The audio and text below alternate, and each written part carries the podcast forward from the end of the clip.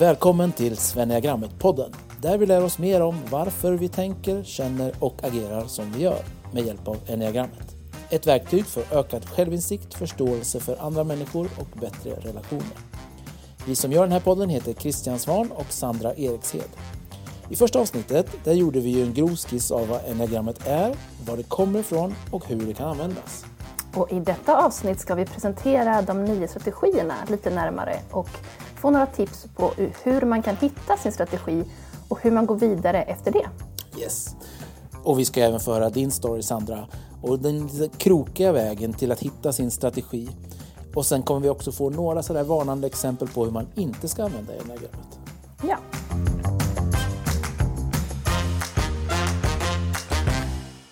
Och nu när vi har lagt en del av grunden i vårt första avsnitt så tänker jag att nu måste ju folk vara nyfikna på vad allting handlar om. Vad är det här för nya strategier? Ja. Eh, hur fungerar de eh, på ytan och vad är det för beteenden som finns under ytan som gör att vi får de här beteenden som resultat? Ja, men precis. Och det, är ju, det finns det är nio stycken och vi tänkte vi går igenom dem ganska skyndsamt här, men bara för att ge en liten överblick. Och sen kan vi avslöja redan nu att de följande nio avsnitten i podden kommer ju vara siffra strategi 1 till 9 då. Så där kommer vi gå lite mer på djupet. Men det finns några saker man behöver tänka på innan vi kommer in på siffrorna. Ja, och jag tänker då att när man lyssnar på de här nio som vi kommer gå igenom, eh, då vill man ju få en liten hint om vilken som är min. Och det man kan hålla utkik efter är till exempel vilken är det som gör mest ont? Ja, vilken är det som skaver mest? Eh, och en, en annan grej jag tänker lite, hur var det för dig när du var ung vuxen? För då var man ofta som mest i sin strategi.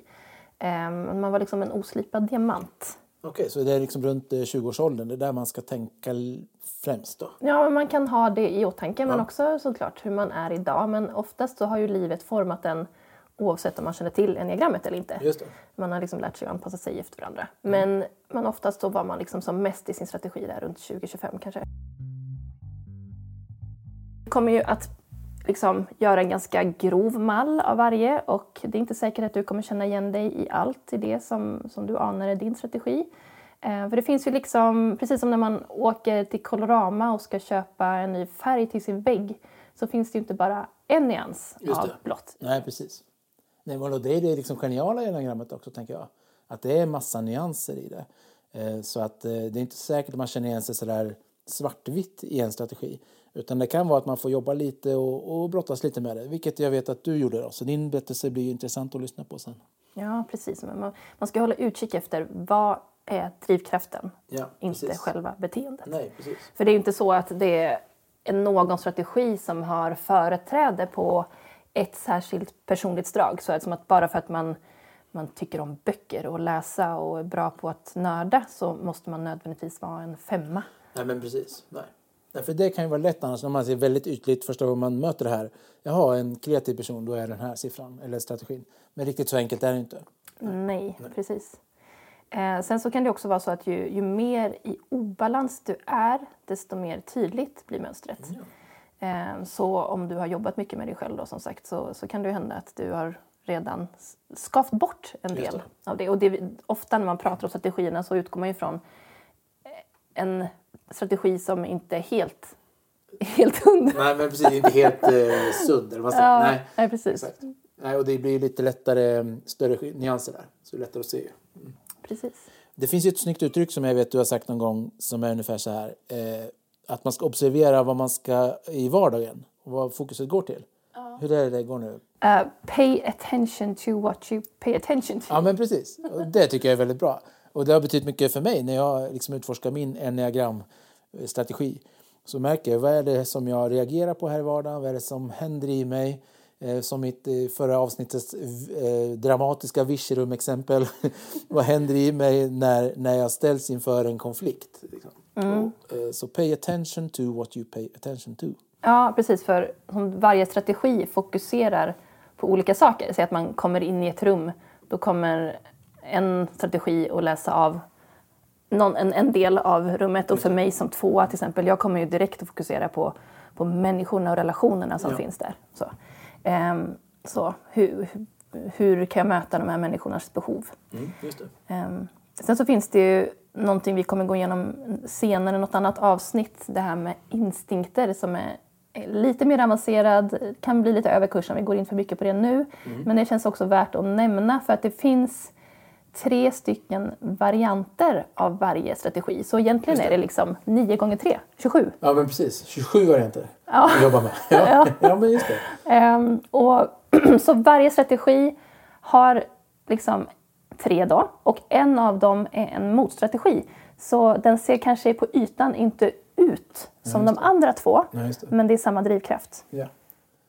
Och, och, ja, för det vart ju, när jag lärde mig lite mer om det där så vart det ju ett nytt djup i min strategi. Där jag upptäckte ja, ja, men det är precis så här liksom jag funkar. Men det är ju mycket drivkraften man kikar efter först ju. Och sen tittar på instinkterna. Och det kommer vi till så småningom. Ja. Men ska vi köra igång då? Ja, Vilken siffra börjar man med? ja men det känns kronologiskt rätt att börja med ett. Ibland det- så börjar man med åtta. Ja, Och då går man igenom intelligenserna. Men det tycker jag är lite, det är lite flummigt. Eller, Ettan känns ju väldigt rimlig att börja med. det känns som Ja. det. Den brukar man kalla för förbättraren. Ja. Och det säger ju lite sig självt då att det är en person som har, eh, liksom, det är nästan så att man skannar av, på, på tal om att jag just nämnde att när man går in i ett rum så har man olika fokus. Och en etta som går in i ett rum skannar liksom av vad, vad är fel här? Ja, vad kan bli bättre? Vad kan jag Och- göra bättre? Ja, och det är inte så att de kanske har ett, ett, nödvändigtvis ett negativt sätt att se på världen. Ehm, men det är nästan, de, de upplever det nästan så att felen hoppar ut på Ja, dem. Ja. Så. Och så ser de det, då kan de inte bara låta det vara. Nej, Eller? nej, precis. Nej. De bara liksom måste påpeka det, eller måste fin, ja, fixa det på något Ja, sätt. det. Ja. Och, och där finns ju en liten perfektion och perfektionism finns ju som en liten, vad ska vi kalla det, avart här va? Ja, precis. Alltså det, kan ju, det är ju grunden någonting fint, att Mm. man vill göra saker bättre. Eh, och man vill liksom att saker ska nå sin högsta potential. Men det som det kan bli, i, om man överanvänder det, är att man kan bli ganska dömande både mot sig själv och mot andra. Ja. Eh, och ettan får kämpa ganska mycket med en, en väldigt hård inre kritiker. Ja, man har höga krav. Ja, verkligen. Så det är nästan så att äh, det är aldrig bra nog. Det finns alltid någonting som hade kunnat förbättras. Ja, det. Men de är ofta idealister och om de har att välja på två vägar mot samma mål då kommer de att ta den som är rätt, även om det kanske är en mycket, mycket längre väg. Ja, just det. För liksom rätt ska vara rätt på något sätt. Ja. det, det, ja, det viktigaste är inte hur mycket man själv får jobba utan att det blir det bästa möjliga. Ja, För så. Det kan ju bli lite så paragrafryttare, men det kan också bli att världen blir en bättre plats. Eh, och det, exempel på det skulle kunna vara att man, man tror att Gandhi och eller Nelson Mandela har varit ettor, att de, liksom, de just tog en för laget. Så. Det kan man ju lugnt säga. Och snacka om att gå den långa vägen för en sak som är rätt. Liksom. Ja. Eh, Att, eh, att ändå göra det. Liksom. Verkligen. Men, men det finns mycket att vara tacksam till ettorna för. De, de, gör, liksom, ja, de gör världen bättre. De, de, har, de är liksom visionära på så sätt. De, de ser det som vi andra kanske kan vara ganska så här, likgiltiga inför. Så, ja. Ja, men fint. Eh, om vi går vidare då. ja, Tvåan. Vad kallas den för? hjälparen. Just det. Ja, Och den är ju väldigt inriktad på människor va? ja, Eh, och fokuserar på att liksom eh, mätta andras behov om jag förstått det. Ja. Känner du någon tvåa i närheten av... jag känner en väldigt väl. Ja. Nu för tiden, jag har insikt om detta. Ja, nej, men det här kommer vi komma in till kanske mer när jag drar min story. Men ja, jag, jag är också uppfostrad av tvåor kan man säga. Ja. Så jag är väldigt mycket två. Ehm, ja, och då är man alltså väldigt relationsorienterad eh, och fokuserad mer utåt än inåt. Ehm, och man är ganska rädd för att uppfattas som egoistisk. Eh, så det kan ju bli överdrivas då till att man blir gränslös Ja, mot andra men också mot sig själv. Man vill så otroligt gärna hjälpa till och man anpassar sig in absurdum för att vara omtyckt. Och, och är det själva grunddrivkraften? Att bli omtyckt? Ja, Att vara omtyckt? ja precis. Bli omtyckt och skapa kontakt. Skapa och man är kontakt, väldigt rädd för att kontakten ska brytas i relationen. Ehm, Så man kör ofta över sina egna behov. Det kan ju, tyvärr, det här är lite jobbigt att prata om då, men en baksida av tvåan är ju att den kan vara lite manipulerande. Så. Att man Okej. kan ge för att få. Ehm, Ja, så att man gör det med syftet för att själv få. Ja, precis. Mm. Är, i, sin bästa form så är ju tvåan väldigt så sant eh, generös. Sant icke-egoistisk eh, och altruistisk. Men eh, en lite mer osund tvåa kan ju då liksom så här, ja, men man har en baktanke när Mm. man ger. Det. Ehm, och det, ja, det, om, om inte annat, inte så, så här, jag ger dig en glass så hoppas jag att du ska ge mig en glass tillbaka. Men det kan ju snarare vara så att jag, om, om jag ger dig det här, då kommer du tycka om mig. Så det, och det är liksom bekräftelsen som blir liksom Ja, belöningen. Just det. Just det. Eh, och det som är med tvåor också, att det är ju liksom, det är mer regel än undantag. Att tvåor eh, någon gång blir utmattade. Ja. Man, man liksom eh, bortser från sina egna behov så pass mycket. Ja, precis. Man har väldigt svårt att läsa av. Man vet inte vad man själv vill, vad man behöver. Man, så att man, liksom, man bara kör på. Mm. Eh, det var någon som beskrev tvåan som en eh, golden retriever på ett löpband. Bara köra, köra, köra, köra. Ja. precis. Bara springer och är Ja. sådär ändå väldigt gosig. Ja, Så. Ehm, ja, men som sagt, som bäst är tvåor osjälviska, ödmjuka, generösa, inte så dömande utan ja, Mm. god, god vän. Precis som typ Sam i Sagan om ringen. ja, det är ett bra exempel. Ja. Ja. Väldigt eh, ja, positivt exempel ändå, får man säga. Ja, Så, mm. ja. Ja, men, eh, intressant och vi kommer säkert få höra mer om den lite senare. Då, tvåan då. Eh, nummer tre då. Eh, den kallas för presteraren. Eh, och den är ju väldigt eh, framåt och fokuserar mycket på resultat och mätbara mål. Eh, och där kan ju ibland liksom känslorna komma i vägen om jag har förstått det rätt. Att treorna har liksom lite problem med det. De vill ju kunna mäta sina mål och resultat. Och känslorna ibland kan bara vara ett problem egentligen. Mm, precis, man är ju så resultatinriktad att, att man dels har man svårt att läsa av vad man själv känner Mm. och man kan köra över andra människor på vägen. Eh, jag hörde om någon trea som fick ett dödsbud mitt i veckan. Mm. Eh, men det var ju liksom bara onsdag och arbetsveckan var inte slut än. Vi Man hade, vidare. man hade en lång lista som Ja. man skulle ta sig igenom fram till fredag. Ja. Så eh, den här personen kunde ju liksom bara boxa in den där känslan. Eh, fram, och så på fredag eftermiddag grät sig igenom Ja, helgen. Liksom. Och sen måndag morgon, nu, Ja, nu back to work. Liksom. Mm, Så att man kan compartmentalize. Ja, man boxar in känslan och tar fram den lite när den måste fram. Då. Ja, precis.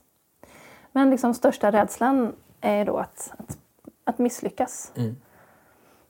Eh, och man är lite som en kameleont som anpassar sig efter vad andra förväntas av en. Ja, just det. Ja, men det är intressant, för det känner jag ju själv igen också. Ja, Jag måste tänka lite på. Mm. Ja. Ja, men nian och trean har ju en... ja, det finns En en, connection där ju. Ja. Ja. Precis. Ja, Och trean är ju väldigt handlingskraftig och inspirerande och för grupper framåt. Och de, de är ofta ledare va? Alltså på företag och Mm. Det är ju väldigt vanligt att VDR Mm. är treor. Just det. Det. Ehm, och det här är en, en gissning från mitt håll men jag skulle inte bli förvånad om till exempel Petter Stordalen och Ebba Busch är treor. Ja, just det. Precis. Och ett land som är typiskt trea är ju USA. Ja, kan man sätta strategier på länder också? Ja. Spännande. Ja men kulturer faktiskt, Ja, men jag det, förstår. det är Ja. roligt. Ja. Om man är liksom eh, lite self-made. Man kan, om man bara gör jobbet så kan man nå dit man vill. Liksom. ja, precis. Mm. The American dream. Ja, precis. Mm. Ja, men spännande. Vi går vidare då. Och då blir det ju efter nummer tre, eller strategi tre, går vi till strategi nummer fyra. Individualisten. Vad kan Ja. du säga om den? Ja, men det här är den arketypiska konstnärssjälen. Eh, och till skillnad från trean så är ju känslorna liksom den stora grejen. Mm. Känslorna är facit och leder vägen. Ehm, men ja, fyror är väldigt empatiska. Eh, och just för att de är själva så trygga med sina egna känslor så är de ju också en, en trygg plats dit man kan komma när man själv mår dåligt. Ja. Ehm, Så det är väldigt en fin sida med det. Eh, Du kan alltid vara du välkommen om du vill prata djupt och personligt med en fyra. Men eh, har du några baksidor? Nu har du sagt några jättefina saker om fyran. Ja, Finns det någonting som skulle möjligtvis kunna vara lite problematiskt? ja ja, men alltså just det här stora känslofokuset kan ju också bli ganska självfokuserat. Just det. Eh, De har liksom svårt att känna att de blir förstådda. Ja. Så de kan älta ganska mycket så här, för att känna att ja, de bara förklarar och förklarar, förklarar hur de känner och känner ändå inte att de riktigt når fram. Ehm, och de har ofta en känsla av att de saknar en pusselbit som andra har. Eh, så att de, och de, det är ganska, de är ganska komplicerade på så sätt att de ställer sig ofta utanför en grupp men de vill hemskt gärna höra till. Ja. Men de, liksom, de vill inte vara med, men, eller de vill vara med men när de är med så känner de sig utan, ändå utanför. Ja. Alltså det blir så här, Ja, men, ja, men individualist. Ja. Och de, ehm, i den här liksom sökandet efter den här pusselbiten så försöker de skapa sig en, en plats ändå för att höra till och få vara med. Och då, då blir liksom en, en överdriven lö, längtan eller sökande Ja. efter att vara unik och speciell. Just det. Och, men, och i sina bästa stunder så är de då bra på att inkludera andra. De är modiga, djupa, kreativa och ärliga. Ja, Ehm, och eh, du har något bra exempel här på vilka som skulle kunna vara fyror. ja, ja precis. Eh, jag tänker på Ior till exempel i Nalle Puh Ja. som eh, en, en, en vemodig fyra. Ja, ja, en social instinkt om vi ska ja ta just, så. just det. Eh, sen så finns det ju väldigt många, eftersom fyror ofta är väldigt bra på att kanalisera sin känsla till liksom, olika uttryck, ofta konstnärliga uttryck Mm. och liksom förklara människan för henne själv genom ja, olika former av konst. Så till exempel eh, Ingmar Bergman, Frida Kahlo Ja. skulle kunna vara fyror. Just det. Alltså lite kreativa konstnärssjälar som Ja. går sin egen väg men också ser på människan från ett annat perspektiv. Mm. Mm. Precis. Ja, men spännande. Vi går vidare då till undersökaren som är strategi nummer fem. Och här när vi pratade i första avsnittet då nämnde vi ju Ross i Vänner. Som en sån här kunskapstörstande person som vill eh, reda ut saker och ta reda på fakta om saker. Är det ungefär i Ja, start? precis. Mm. Ehm, femmans stora rädsla är att bli sedd som inkompetent. Just det. Ehm, så man försöker ju liksom överkompensera det med väldigt mycket kunskap. Mm. Ehm, de är ganska ofta introverta och reserverade.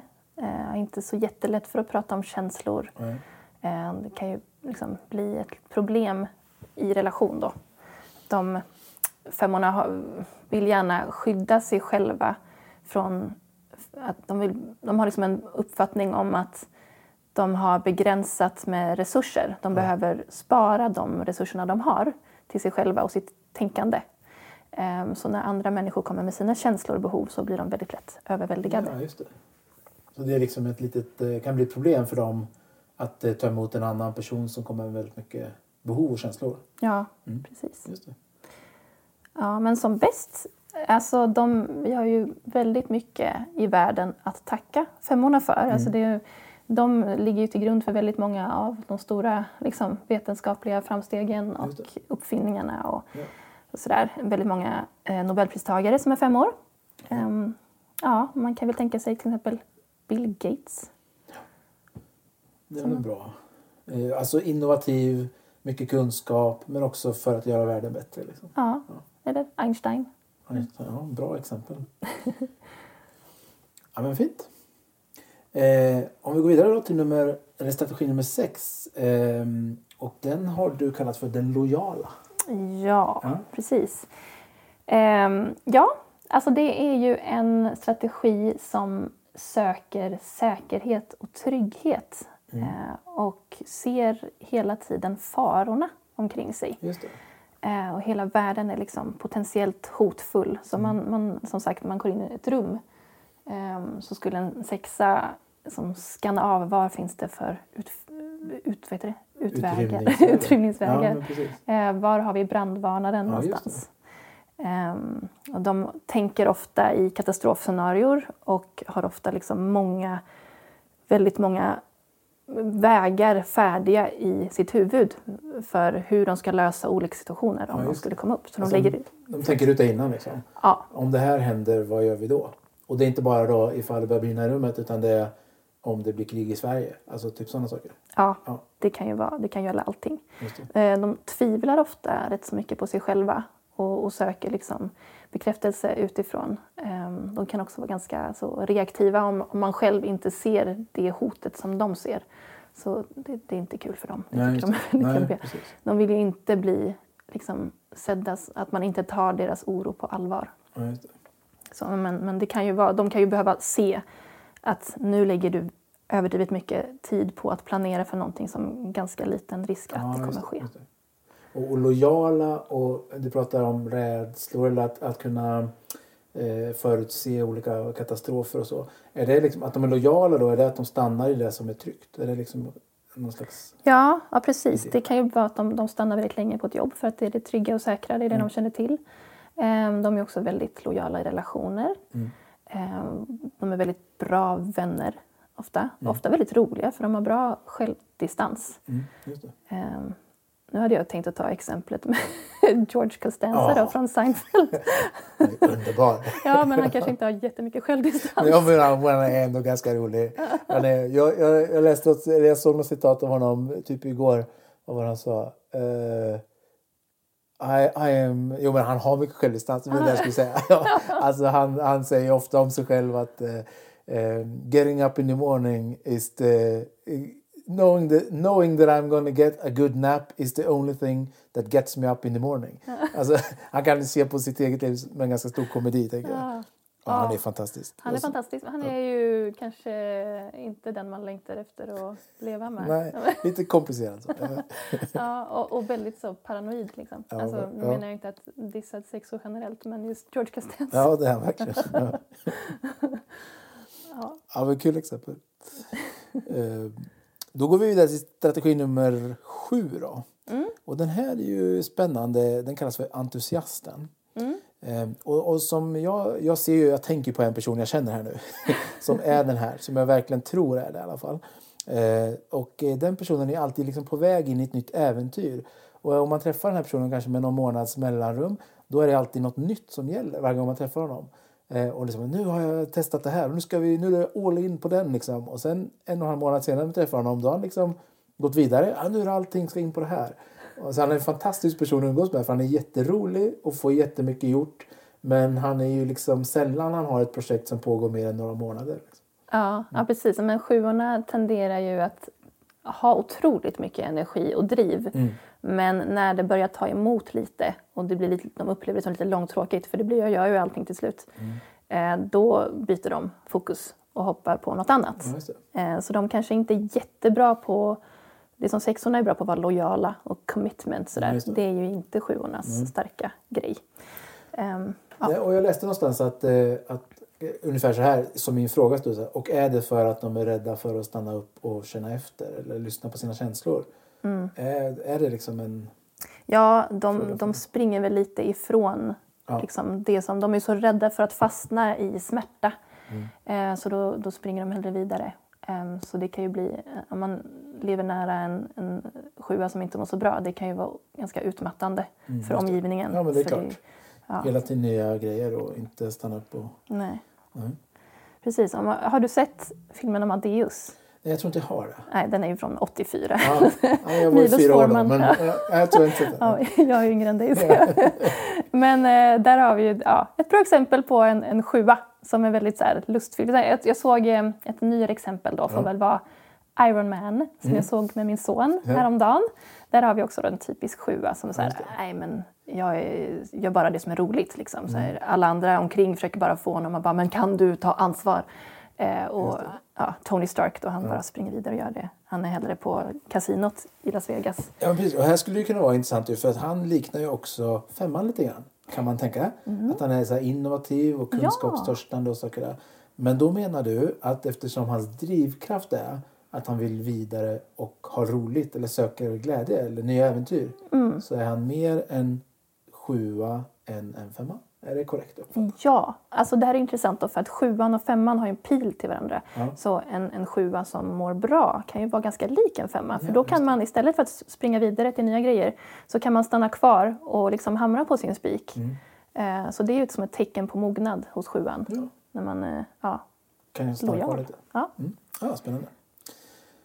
Okej, om vi går vidare då till eh, strategi nummer åtta. Den kallar vi för utmanaren. Och där händer det grejer kan man säga. Ja, Ja, Ja. det är en otroligt kraftfull strategi. Eh, och när den åtta kommer in i rummet, då, då märks det. ja, Liksom. ja, Man har en väldigt så självbild av att vara stark ja. och bestämd. ja. Ofta. Och lite så här självklar. Här kommer jag och jag vet vem jag är och jag har minsann någonting att säga. Och jag tycker ofta kan de väl vara lite så här. Alltså de pratar ganska rakt va? och tydligt. Allting ska upp på bordet. Eh, visst ska vi göra så här nu. Alltså det är min uppfattning av en åtta.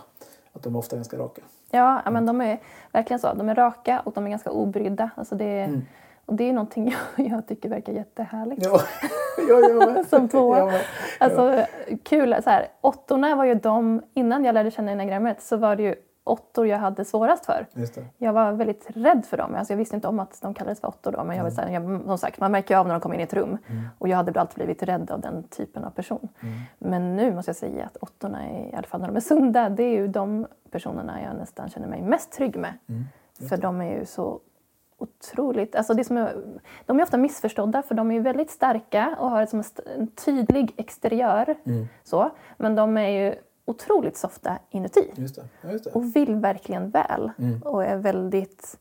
Alltså det var någon åtta jag träffade som, som hade först nu när hon var liksom över 60 så var det någon som hade sagt till henne att du, så här, och du är snäll, du, du, du är en så snäll person. Och hon bara, det var första gången i hela mitt liv jag hade hört det. Jag Ja, bara det. fått höra att jag är så stark. Ja, och liksom lite skrämmande. Ja, precis. Oj, vad fint. Ja, hon var jätteglad för det. Alltså, nu, förlåt, jag, jag pratar på så Nej, men mycket. Jag shoot, så, ja. verkar komma tillbaka nu. ja, men jag gillar ju åttorna. Alltså. De kan ju vara lite som så snöplogar. Ehm, och det kan ju man ju tänka både positivt och negativt. Mm. Alltså en snöplog kan ju köra över folk. Men en sund snöplog, en mogen Ja, snöplog, som man säger. Ja, som ja, man säger. De, de kan ju också verkligen så här, de banar väg. De är inte rädda för att ta smällen själv. Så de, de liksom tar andra under sina vingar Ja. och så kör de på. Liksom och, och gör det enklare. Som jag tänker till exempel, ehm, vad heter han? Martin Luther King. Han var troligtvis en Mm. Åtta. Ja men eh, precis. Det är ju, utmanaren är ju jättespännande. Alltså, och just det att den, den visar vägen. Vi ska hitåt och jag eh, är villig att ta några smällar för att gå den vägen. Men, men om man tänker baksidan av det här då. Ja, Är det, man kan som min uppfattning är, de åtta jag känner är att de har ju en viss problem med att visa sig sårbara. Och att eh, kanske vissa tjänster och säga att jag har ett eget behov här eh, som jag vill berätta om. mm, Är det, är det rätt? Eh? ja, det är ju en del av det. De kan också bli ganska hämndlystna och vilja ge igen. Mm. Eh, liksom ännu mer än vad de själva, om någon har, liksom, har förrått dem. De är väldigt rädda för att bli förrådda. Liksom. Mm. Så det är därför de som känner att de, de måste vara starka för att inte visa sig sårbara. För då kan någon Ja, trycka till. Och om någon har tryckt till, då är de beredda att trycka till ännu hårdare. Just det. Just det. Eh, och det kanske man, det är inte de roligaste exemplen kanske, men mm, möjligtvis är Donald Trump, Saddam Hussein. Ja. ja, det är ju ett kul exempel. På tavlan ovanför nattduksbordet. Men man ska komma ihåg, Ja. åttorna spänner över hela, alltså precis som alla strategier så finns det ju liksom de bästa liksom, Ja. högsta nivåerna och lägsta nivåerna. Och sunda åttor är ju liksom Moder Teresa, Just det. Pippi Långstrump. Ja. Det är ju liksom, det är där man vill vara. Ja, precis. Men som sagt, jag tog ju i förra avsnittet så pratade vi om hur jag blir när jag blir stressad. Ja, det. Så jag brukar tänka det sen, när jag inte är mitt bästa jag, då känner, då känner jag så här, nu är Donald Trump inom mig. Nu kommer han. Ja, exakt. Det är som tvåan åtta har en lina. Ja. Så. kan vara en bra metod annars att liksom snabbt backa lite och, och lyssna på den signalen. Jag kanske ska ha en sån bild ändå. Ja, På mitt nattduksbord. påminnelse. Exempel. Ja, vad hade du för dag då? Ah, jag hade en Donald Trump dag idag, så att, kom inte nära mig. Nej, precis. Ja, men då kommer vi till den, en av de vackraste och sista strategierna. Ja, men Christian, berätta lite om nian är du snäll. Ja, nian då. En av kronan på hela enneagram. eh, Ja. Är det. Men den brukar kallas för medlaren eller eh, fredssträvaren eller sådär. Eh, sträva efter att skapa harmoni. Och ni som inte har lyssnat på första avsnittet, först vill jag bara säga, gör det då. Men sen är det då att jag är då strategi nummer nio. Ja. Ja. Eh, kallas ibland för fredsmäklaren. Eh, är ofta liksom kreativa, positiva och stödjande. Eh, men är också bra på att liksom förminska problem. Om det dyker upp ett problem då är nian bra på, först och främst så vill man ju bara springa dit och åtgärda det. Om inte det går så vill man förminska det och säga det är nog ingen fara och vi kommer gå vidare. För att jag vill ju alltid ha harmoni. Eh, och då slipper jag det där skavet. Eh, problemet är ju ofta då att det där skavet kommer ju tillbaka. Om man bara förminskar det och, och tänker att det är inte så farligt eh, och så går jag och förminskar det där skavet och sen när man är 38 år mm. då kommer det tillbaka. Och då upptäcker man att oh, det där problemet finns ju kvar där och det har skavt hela tiden. Och det kanske är värt att ta, ta tag i det. Mm. Mm. Ja, precis. Eh, sen finns det någonting i nian som ja, passiv aggressivitet. Just det. Hur ser du på det? Eh, ja, det är ju på tal om din Trump-tavla... och baksidan av en... Det finns ju flera baksidor av alla strategier. Men man säger liksom skuggsidan av medlaren, det skulle kunna vara då att man, eh, man liksom bygger upp ganska mycket av det här inom sig för man söker harmoni hela tiden och man är ju villig att böja sig hela tiden för andras behov. Så jag anpassar mig efter ditt behov Eh, men det gör också någonting med mig som jag bygger upp inom mig. Och det pyser ofta ut då för en liksom osund nia i passiv aggressivitet. Eh, och det kan både jag och min fru och flera i min omgivning eh, berätta att så, så kan det ibland bli. Ja. Mm. Och nian drar sig ofta liksom i sitt, in i sitt eget skal. Ja. och kan bli ganska alltså, prokrastinerande. Eh, och man brukar säga they fall asleep to themselves. Mm, att de liksom, eh, om det, vi pratade om dödssynderna förra gången, att så här, nians dödssynd är liksom lättja. Mm. det behöver inte betyda att en nia är lat nödvändigtvis. Utan det är liksom, så här, de är liksom lata inför sig själva. Att man tar bort sin egen ambition. Vad var det jag ville egentligen? Så att man, livet händer mig istället ja. för att jag själv tar liksom... Skapar liksom. Ja, ja, precis. Ja, men precis. Och det finns ju ett kul ord på engelska som heter narkos, narcotisation, tror jag brukar stå. Alltså att man, eller numbness, alltså att man bedövar sig. Så det här liksom att eh, sitta och scrolla i Instagramflöden eller se samma Seinfeld-serie om och om, om igen. Liksom att det är egentligen ett sätt att prokrastinera, att gå bort från sina känslor för att de är liksom för farliga. Mm. Som en osund igen. Ja. Och tänkbara nior skulle kunna vara Mark Levengood till exempel. Mm. Harry Potter. Ja. Sen läste jag, nu har inte jag sett Simpsons jättemycket. Har du gjort det? Nej, nej inte på tio år i alla fall. nej, 15 år. Men det sägs att både Homer och Marge Simpson är nior. Ja, och kanske med. Alltså, Homer... De är väldigt konflikt... Eh, för, alltså, de vill inte ha konflikt. Nej. De är villiga att böja sig ganska mycket. Ja, kanske. kanske. Ja. Men kanske så här, Marge är lite mer sund nya, Homer lite mer osund. Så kan man tänka nog, tror jag. Ja. ja med då reservation för att jag inte har sett det här ordentligt. Nej, just det. Nej, nej och jag har inte så bra koll på Simpsons heller, men jag kan tänka mig det. Mm.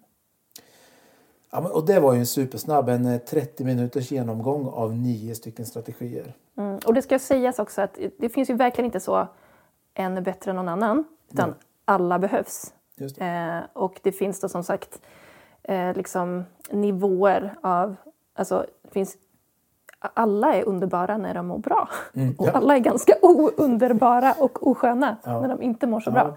och um, Det vi kommer gå igenom sen när vi pratar om alla strategier i varsitt om, liksom, eh, avsnitt då kommer man också prata om väckarklockor, så här, vad man ska tänka på. Så här, mm. ja, men nu, nu börjar det, det här känner jag igen, den här liksom, varningsklockan ska få mig att rikta blicken uppåt istället och komma ihåg vad är liksom, poängen nu. Mm. Så att man inte går ner det är superbra. Det är också eh, väldigt bra grej med enagrammet också. Att det finns de där eh, flaggorna, liksom, rödflaggen. Oj, nu, nu reagerar jag på det här sättet. Och då att kunna stanna upp en sekund och tänka varför gör jag det? Det här är ju min varningsklocka för att jag är på väg åt fel håll. Liksom. Ja, mycket bra. Mycket bra. Mm.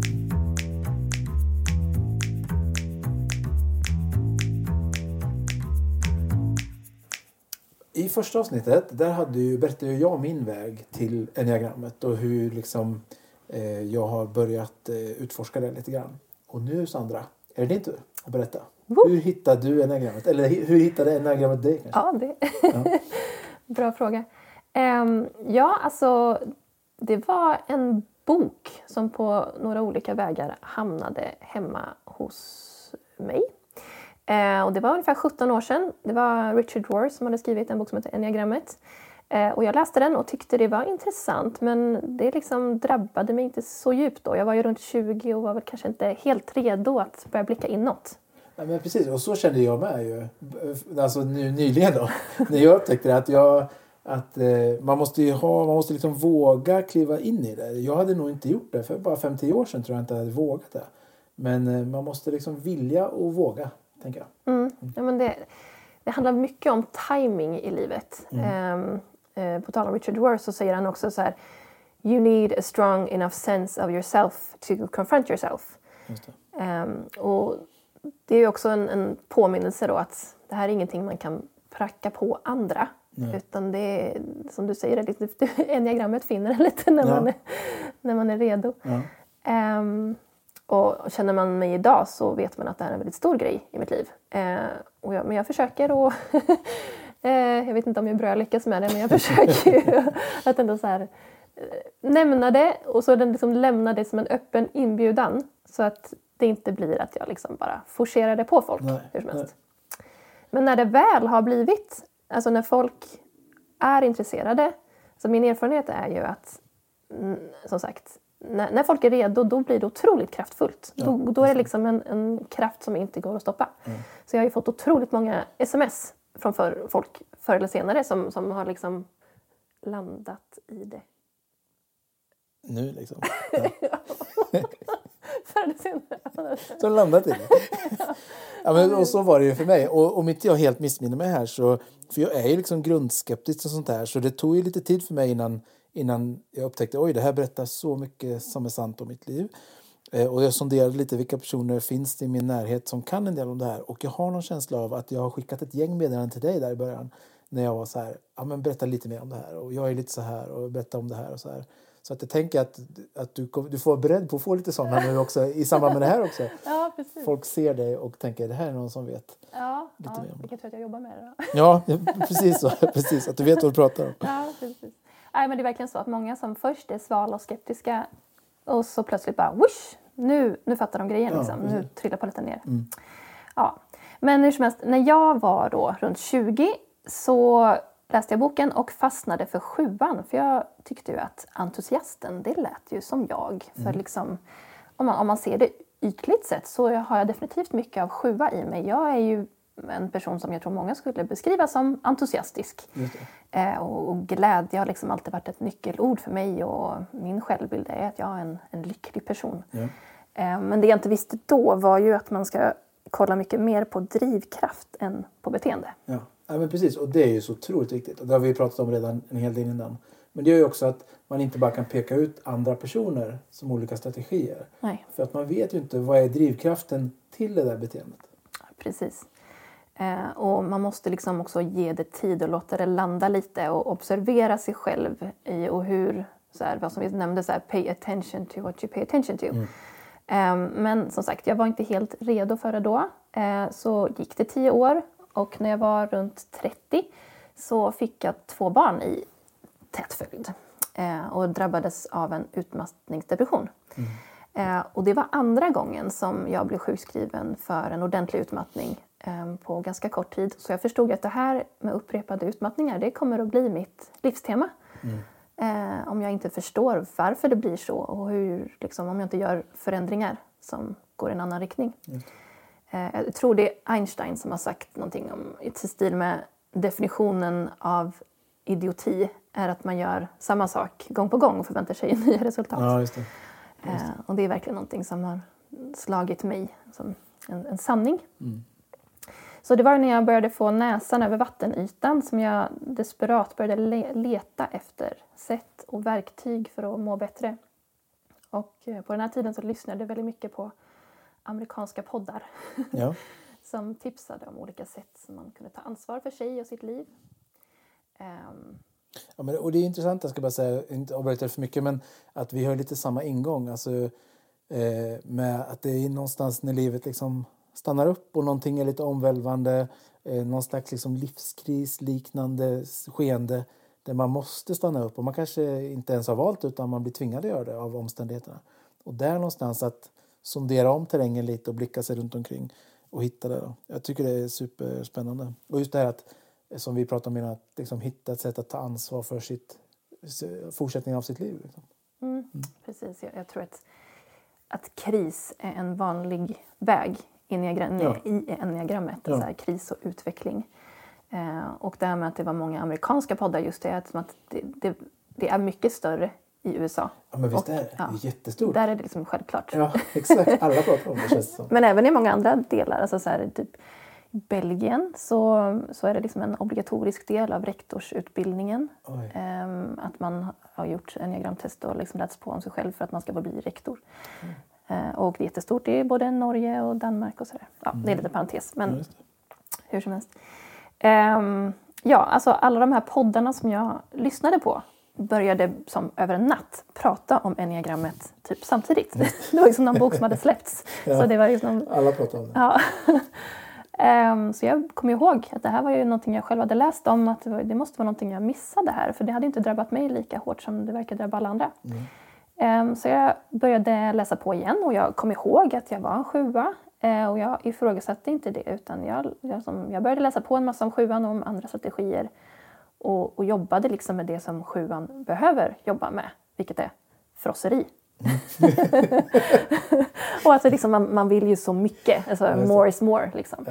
Um, och att hur jag kan hitta vägar för att liksom mer stanna kvar på en och samma plats. Och, um, ja. Just det. Att inte springa vidare till olika grejer Nej, precis. Mm. Så det, det, behöver jag säkert också jobba på. Men det är inte min, mitt största problem. Ja, så. Mm. Um, ja, men det började liksom också skava efter ett tag. Jag började nästan bli som lite uttråkad på enneagrammet för att, just för att jag kände att nu har jag jobbat klart. Mm, ja, just det.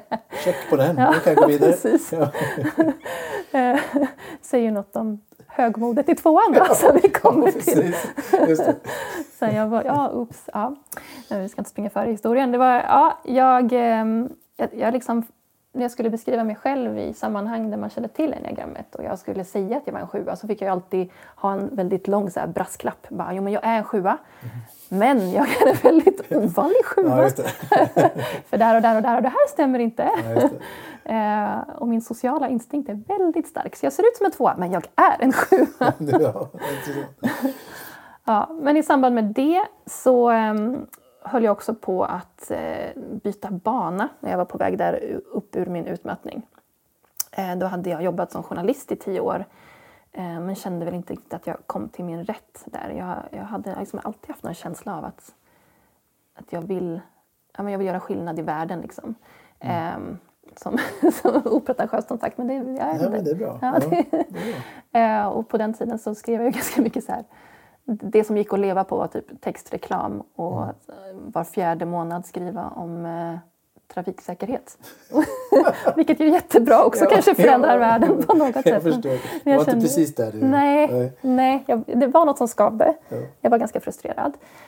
Um, så um, jag, jag frågar mig själv då, liksom, vad, vad har jag för passioner i livet? Uh, och vad, det som stod ut ur mängden då var att jag mer än att skriva ville fotografera, vilket jag ju hade gjort hela tiden parallellt så, men, men jag mm. ville liksom satsa mycket mer på det. Mm. Um, jag, och jag ville hålla på med relationer och hjälpa människor.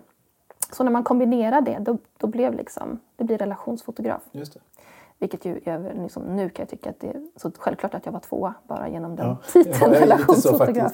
Lite så, lite så. För du, du gav ditt företag namnet Relationsfotografen? Ja, ja. ja precis. Och hela poängen med att vara relationsfotograf är att man hjälper par och familjer och team också att, att må bättre genom att skapa relationsstärkande fotoupplevelser för dem. Just det, just det.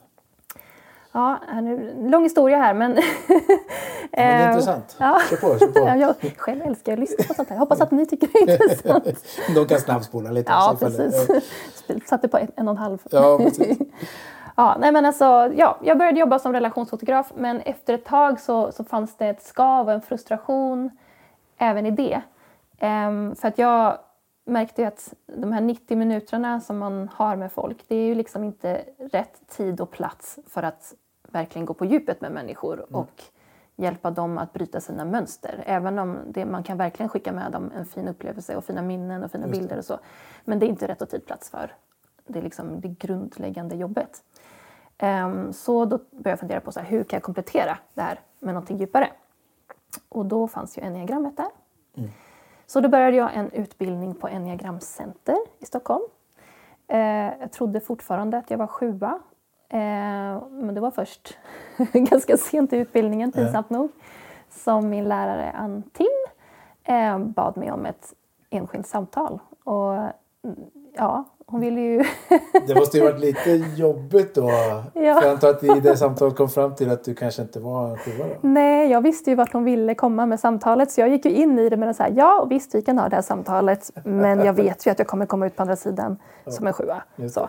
Men hon, eh, som den tränade coachen hon är, enneagramcoach, så visste hon vilka frågor hon skulle ställa och det tog ju inte många minuter utan jag bara fick resignera där. Ja. Lite jobbigt måste det vara. Ja, Eller mycket jobbigt. Skämtar du? Ja. ja. men alltså, det var en av mina stora livskriser. Ja. Alltså inte för att jag egentligen tycker illa om tvåor eller så, eh, men att det var ju... Jag hade ju en sån klar självbild av... Alltså jag hade ju gått in i det liksom, att jag är en sjua. Ja. Jag gillar siffran sju. jag tycker om att vara en glad och härlig person som är carefree. Liksom. Ja, och så fick jag ju ändra på den självbilden och inse att ja, det finns ju andra, andra sanningar här. Det, det där är också sant om mig, men det finns också de här sidorna. Um, och sen var det ju också... Äh, förlåt, ja, men du hade många tvåor kring dig så där, när du växte upp och så, så att du har sett det. För jag tänker, det, man präglas ju mycket av det som ja, föräldrar och familj och omgivning och så. Och då är det ju ganska naturligt att man kanske tänker, alltså även om man tycker om sin omgivning och sin familj och sina föräldrar, att man tycker att jag vill vara någonting annat. Bara den känslan liksom. Ja, ja. precis. Ja men precis, dels det men också att jag hade ju fått smaka på lite hur det är att vara on the receiving end av tvåans ja, omsorger. Just det, just det. som inte bara var... Nej, Nej, och som sagt tvåan kan vara lite gränslös så. Mm. Eh, och det var väl det som skavde för att jag kände igen det i mig själv. Så när jag liksom försökte ställa mig in på att du kanske är själv tvåa Sandra, mm. så var det ju rätt så jobbigt. Mm. Eh, och sen så är jag ju, jag är både kvinna, jag är kristen, jag är uppfostrad av två år. Så det, hela liksom min omgivning och min kultur eh, liksom hade ju bekräftat det här i mig. Att, att vara generös och hjälpsam, att det är någonting positivt. Mm. Eh, och det är ju bra och fina saker. Mm. Men jag hade väl kanske snarare behövt och budskapet att vara lite bättre på att lyssna på dig själv. Ja, precis. Så. Ja, och det där känner jag igen mig jättemycket i. Eh, alltså som nia då, att, eh, Ehm, att jag är uppvuxen i en sån miljö där det har premierats det här att liksom gå en extra mil för den som behöver och ge till den som inte har någonting och sätta den andra före dig och så. Och jag då som nia har ju jättesvårt att lyssna på mina egna behov och min egen inre röst om vad jag behöver. Så det har ju liksom, eh, det har varit som att liksom hälla tändvätska på en brand. att jag får höra de budskapen hela tiden och samtidigt så har jag som nia som strategi då att jag väldigt lätt eh, försummar mig själv. Då. Mm. Ja, precis. Ja, så att det var ju verkligen när jag väl landade i det här och förstod att jag var en riktig tvåa, inte bara så här, hade så kallade overlays. Det mm. var ju liksom tre veckor av nonstop gråt i princip. Ja, det var så? Så stor livskris? Eller ja, så kris, ja. verkligen. Eh, och det var ju som att jag vaknade varje morgon så här, liksom, och såg hela mitt liv passera revy och situation efter situation och relation efter relation som jag liksom förstod.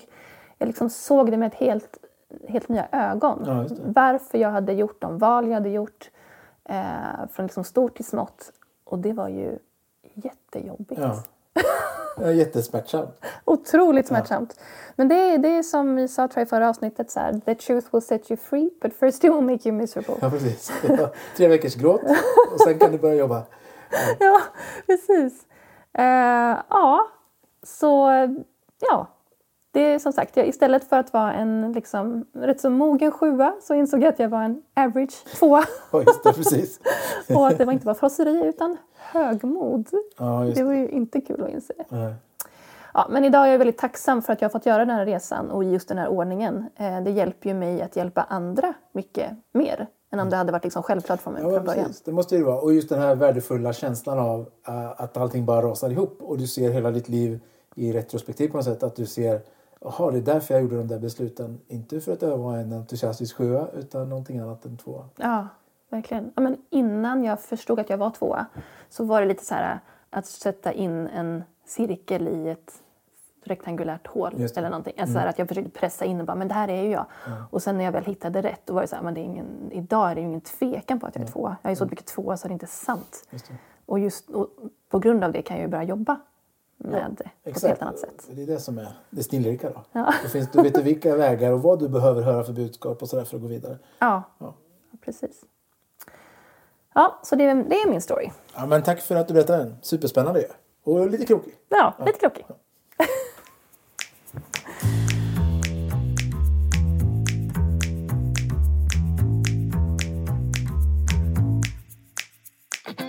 Ja, alltså man kan ju använda enneagrammet helt cirkulärt och som bara som ett verktyg för personlig utveckling. Ehm, och många använder det så. Eh, för mig personligen så det, går det djupare än så. Det är liksom även en, en existentiell resa. Någonting som, som berör även min tro och liksom, min andlighet. Så. Ehm, och jag tänker mig varje människa som ett träd där rotsystemet är liksom sanningen om människan. Det är där vi har vår sanna identitet. Eh, och stammen är som personligheten och trädkronan och frukten på trädet är vårt beteende. Så enligt min människosyn så är varje människa då i grunden i sina rötter helt och hållet älskad och har ett omätbart värde bara genom att finnas till. Eh, och det är liksom vår djupaste identitet och det är oberoende av prestationer och vad andra människor tycker. Ehm, och, och det påverkar ju då om hur vi relaterar oss till den här roten, till sanningen, liksom vår identitet. Påverkar då hur, vilka frukter som det här trädet som vi är bär.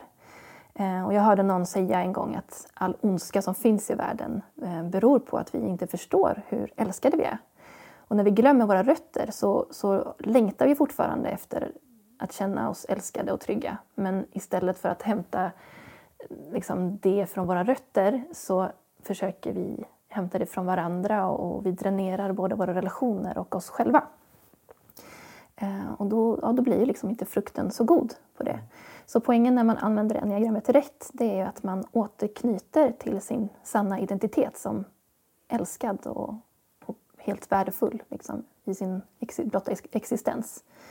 Eh, och då kan man ju både ge och ta emot kärlek helt utan bismak, så att säga. Just. Ja, vilken eh, vacker bild. Vad fint. Ja. Ja, super, superfint. Ja, för mig är det liksom en, en väldigt en viktig grej till varför enneagrammet är relevant överhuvudtaget. Ja, ja, precis. ja men fint Sandra. Och tack för din berättelse och eh, det här. Nu tänker jag så här. För de där ute som nu är lite så här. Jag har precis börjat eh, leta upp min strategi. Eh, börjat som jag brukar säga doppa mina tår i enneagramvärlden. Eh, och jag kanske har en strategi. Jag tänker ja, men jag lutar väl åt att det är den här, den här strategin. Vad ska jag göra nu? Förutom att fortsätta lyssna på den här podden. Ja, ja, men då kan man säga att det finns som tre riktningar man ska gå. Ehm, först att blicka bakåt. Eh, se hur det här har hjälpt mig och skälpt mig hittills, fram tills idag. Eh, och, och läsa på om sin strategi för att förstå sina styrkor och skuggsidor och försvarsmekanismer och så. Eh, så, så helt enkelt bottna i självkännedom och göra det med medkänsla och acceptans. Det. Eh, och sen, nästa steg är, är ju att fånga upp sig själv i, i nutid, i realtid. Ja. Att, att fånga upp sig själv när man går in i sina automatiska mönster och då stanna upp och välja nya och bättre och mer medvetna vägar. Ja, för där känner jag att jag eh, är just nu ganska tydligt. Att jag ser på mitt eget liv varje dag. Varför gör jag det här? Varför tänker jag det här? Varför gör jag så här? Och då, vad är mitt nästa steg då när jag väljer Ja. Och så ska man ju också då blicka framåt och eh, vara liksom proaktiv till att skapa nya banor i hjärnan, nya sätt att tänka och, och nya vanor och, och så. Eh, och kom ihåg att också fira de små segrarna när man märker att man, man gör nya och bättre val. Det. Som man går och säger till pizza i en Virserum. Du skyller mig 90 kronor. Ja, Ja. precis. Alltså liksom självkännedom, eh, självobservation och sen skapa nya vanor. Ja, Kan man dela upp till de tre? Precis. Och mycket av det här kan man ju göra på egen hand genom att läsa på och sådär, lyssna på vår podd. Ja. man kan ju också ha mycket glädje av att göra det tillsammans med någon som är tränad i det här. Eh, Så om jag får göra lite Ja. self-promotion så, så får man gärna höra av sig till mig. Eh, Som, ja, jag hjälper ju människor att hitta sin strategi och coachar dem vidare. Ja, men det är superbra. Det är värsta möjligheten. ju. Men, och vi lovade i början av avsnittet, eh, vi är på väg mot slutet här nu. Vi började lova avsnittet, i början av avsnittet att vi skulle säga några lite varningens ord eller sådär. Vad ska man tänka på att inte göra med enagrammet? Ja, alltså, det känns ändå som en viktig poäng att ta upp för så bra som det ändå är så är det ju det är väldigt kraftfullt och allt som är kraftfullt och bra kan också användas fel och missbrukas.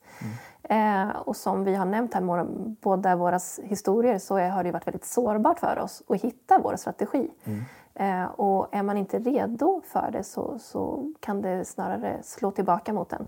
Ehm, så man ska vara väldigt försiktig med att hålla på och använda det på andra människor. Just det. Utan framförallt gå till sig själv. Ja. Ja, och vara varsam sådär. Det, det är liksom människors sår som Mm. Ja. vi håller på att Ja, grotta i. Ja. Så försiktig och varsam och inte liksom kasta ut eh, strateginummer på andra om inte de har bett om hjälp. Ungefär så. Nej, precis. Jag menar, om någon ber om hjälp eller om man väldigt så här, försiktigt säger du skulle kunna lyssna på det här avsnittet. Ja, exakt. Ja. Så jag säger inte att det här är du, Nej. men, men kanske Men om du har en halvtimme över, ja, ta det. Ja, men precis. Ja, Mm. men så här, ja, var försiktig bara. Ehm, och liksom inte se det som något slags partytrick sådär. Ehm, Ja, men jättebra.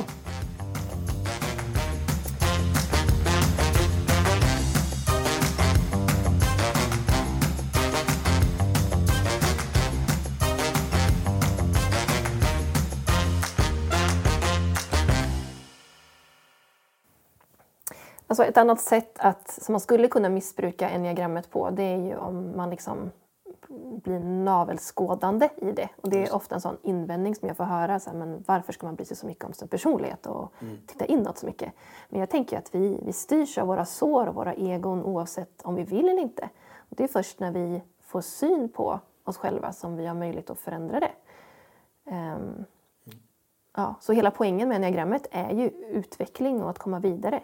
Och det är det som är så kraftfullt med enneagrammet och det kanske är det främsta skälet till att det särskiljer sig från de andra modellerna. Att det här verkligen är någonting som pekar i en ny riktning och inte bara beskriver Nej. personlighetsdrag. Ja, det tycker jag är en av de starkaste grejerna med enneagrammet. Att man, att man, man, direkt när man liksom hittar sin strategi så hittar man också vägarna vidare. Liksom. Utvecklingsvägar i min strategi. Ja, min strategi är det här, då behöver jag jobba på de här sakerna. Och det finns också verktyg för det i enneagrammet. Och det har inte jag sett innan i någon sån här annan. Utan där blir man placerad i en box och sen så eh, försöker man liksom kämpa ut mot de väggarna där. Så det gillar jag jättemycket. Det är ett utvecklingsverktyg kan man säga. Verkligen så. Ja, men då har vi kommit till veckans spaning. Oh, veckans spaning. Det är det mest spännande segmentet i Svendiagrammet-podden. Och vad är veckans spaning då? Ja, men har du sett filmen Encanto? Oh, jag har sett eh, filmen Encanto. Kanske bara en gång, kanske två sådär. Någon nyårsafton i någon pandemitid. Har jag. Du har inte sett den tre gånger som jag och gråtit varje gång. Nej, det stämmer. Det. Du sitter inte i bilen och lyssnar och sjunger med och gråter även då? Nej? Nej, den Encanto-tittaren är jag inte. Men det låter väldigt spännande. Jag vill att du fortsätter berätta. Ja. men jag är ju en av dem då. Ja, jag anar det. Ja, och när Encanto kom för, ja det när det var, ett par år sedan, då exploderade enneagramvärlden. Ja, och Encanto beskrevs som den ultimata enneagramfilmen. Oh my god. Ja. och man kan väl säga att det handlar om en familj i eh, Colombia där alla har unika gåvor som de använder för byns bästa. Just det. Utom Mirabelle. Ja, Mirabelle. Mama, why am I the only one that didn't get a gift? Man kan säga att filmen djupast sett handlar om att bli accepterad av andra, av sig själv och även om hur man bryter liksom, sår som, som går genom generationer i familjen. Just det. Eh, och det man kan se som några tydliga enneagramkaraktärer här är, är då, då Mirabelle eh, som jag uppfattar som en nia. Eh, hon är den enda då i familjen som inte har fått någon gåva. I gave you the special since you're the only Madrigal kid with no gift. I call it the not special och special. inte riktigt vet vad hon ska bidra med. If I was you, I'll be really sad. Ja, men hon jobbar väldigt hårt med att hålla ihop familjen och lyfta alla andra. Eh, sen har vi morbror Bruno, som vi inte ska prata om. Nej, det är den ja. We don't talk about Bruno. Nej, precis. Eh, och han skulle jag säga är en, en sexa. Han ser liksom faror överallt. Just det. Sen har vi Mirabels syster Isabella. Som, eh, ja, man kan se henne kanske både som en etta eller en trea. Jag, jag skulle nog säga en trea. Hon har liksom pressen av att ha en perfekt fasad. Men vad vill hon själv egentligen? Oh, jo, vad spännande. Jag känner att jag måste springa och kolla på filmen direkt. Ja, ja. Gör det? ja det blir så. Så har vi då systern Louisa som eh, är åtta, alternativt två. Som är den här som är så stark och håller på och jonglerar med åsnor eller Ja, just får. det. Precis. Eller vad det är. Ja, den sången har jag sett i alla fall. Precis. Ja. Hon liksom hjälper hela byn och, och folk tar henne lite för givet så. De bara tänker du ska väl hjälpa oss. Hon, hon tar väldigt mycket ansvar. Ehm, men är liksom rädd själv att tänka, tänk om jag inte orkar. Tänk om jag, liksom, min kraft försvinner. Sådär. Och så har vi en liten eh, person, inte så liten kanske, men eh, en, en av mostrarna i familjen. Ja, som, det är hon ja. Ja, hon, Tia Peppa. Jag tänker henne som en typisk fyra. Hon har väldigt mycket känslor och liksom hon styr hela vädret till och med. Ja, Liksom om, ja, just så är det ja. Precis. Ja. om hon blir arg då kommer en orkan. Liksom. Just det, lite extreme. Ja. Ja, Det är som drama queen. Så. ja verkligen. så har hon en liksom, toffel till man. Ja, just det. Som vi inte behöver gå in på vilken siffra det är. Men, ja, men intressant. Encanto är det liksom, en, i enneagramkretsar är det filmen med stort F liksom. Ja, ja. En av de, ja men den, är, den är rolig för den också har ju ett underliggande tema om att liksom bidra till världen och att bli Ja. accepterad av sig själv och av andra. Så den är ju inte bara har tydliga karaktärer utan den, är liksom, den, den finns ett, ett, ett tema som ju går i linje med enneagrammet i stort. Att man kan bidra med sina, eh, sina perspektiv och sina gåvor om man säger. Ja, och sen så typ, kan man ju säga att Mirabelle är en sån tydlig nia. Eh, för att hon liksom så är ganska... Alla andra tycker att hon är lite vag. Men hennes styrka ligger i att hon liksom enar alla. Just det. Så den är väldigt fin. Som ni jag själv känner. Jag måste gå och kolla på den här på en gång. Gör det! Gråta mig igenom det. Gör som jag. Ja men du, kul! Veckans spaning alltså. Filmtipset är Encanto. Yes! Ja, men stort tack att ni har lyssnat på